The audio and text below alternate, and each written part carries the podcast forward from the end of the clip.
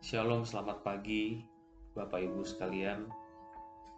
Kisah Rasul 7 ayat 1 sampai 2. Kata imam besar, benarkah demikian? Jawab Stefanus, "Hai saudara-saudara dan bapak-bapak, dengarkanlah. Allah yang Maha Mulia telah menampakkan dirinya kepada bapak leluhur kita Abraham ketika ia masih di Mesopotamia sebelum ia menetap di Haran. Kalau kita membaca Alkitab, satu bagian Alkitab bisa menceritakan ulang apa yang sudah ada di dalam Alkitab. Misalnya Rasul Paulus dalam kisah Rasul 13 menceritakan ulang siapa itu Yesus yang mati dan bangkit. 1 sampai 2 Tawarih menceritakan ulang apa yang ada di 1 dan 2 Raja-raja, 1 dan 2 Samuel. Kenapa perlu menceritakan ulang? Stefanus di kisah Rasul pasal 7 harus mengisahkan ulang cerita bangsa Israel untuk menunjukkan bahwa ia memiliki dasar pijak yang sama dengan bangsa yang sedang mendengar berita Injil dari Stefanus. Israel umat yang bebal, bahkan untuk memaknai peristiwa sejarah mereka. Kedua, Stefanus mau mengatakan bahwa Yesus Kristus sebagai Tuhan dan Juru Selamat bukanlah sebuah berita original dari Stefanus. Ia sudah dinubuatkan berulang kali di dalam Alkitab Perjanjian Lama Memahami perjanjian lama ialah mengenal Yesus Kristus.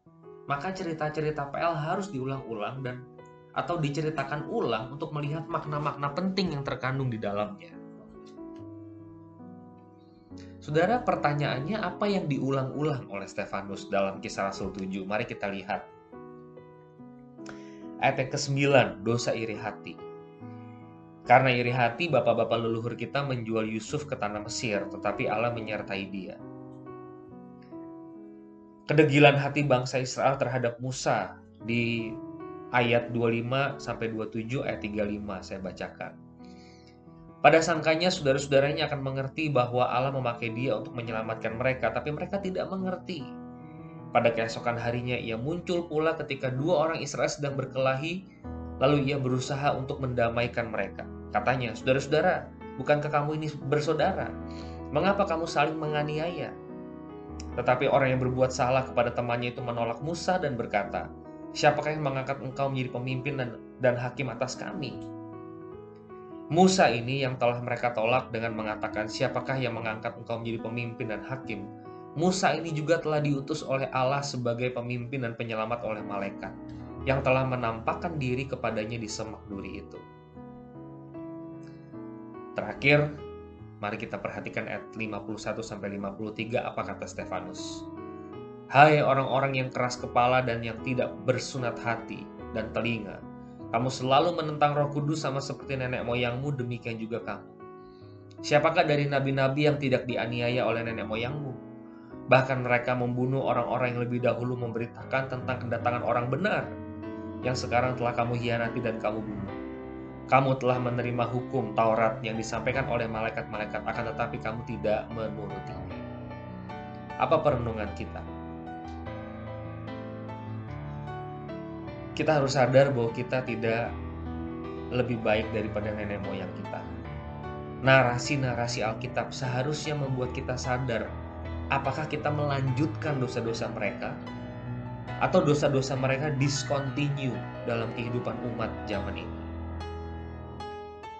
saya kembali dikuatkan pembacaan Alkitab itu sangat penting. Pembacaan Alkitab. Ia sama pentingnya dengan pemahaman Alkitab. Kita perlu menenggelamkan diri dalam narasi-narasi Alkitab untuk dapat merefleksikan diri dalam kehidupan umat Allah sepanjang zaman.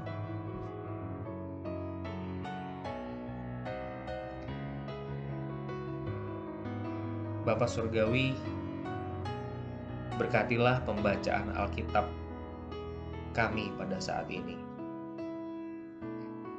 Tolong kami untuk melihat kedegilan hati kami, rasa iri di dalam hati kami, melalui pembacaan-pembacaan Alkitab kami. Kami rindu ya Tuhan saat teduh ini tidak membelenggu kami, tapi boleh melepaskan kami kami mohon Tuhan memberkati. Dengarlah doa kami di dalam nama Tuhan Yesus kami memohon. Amin.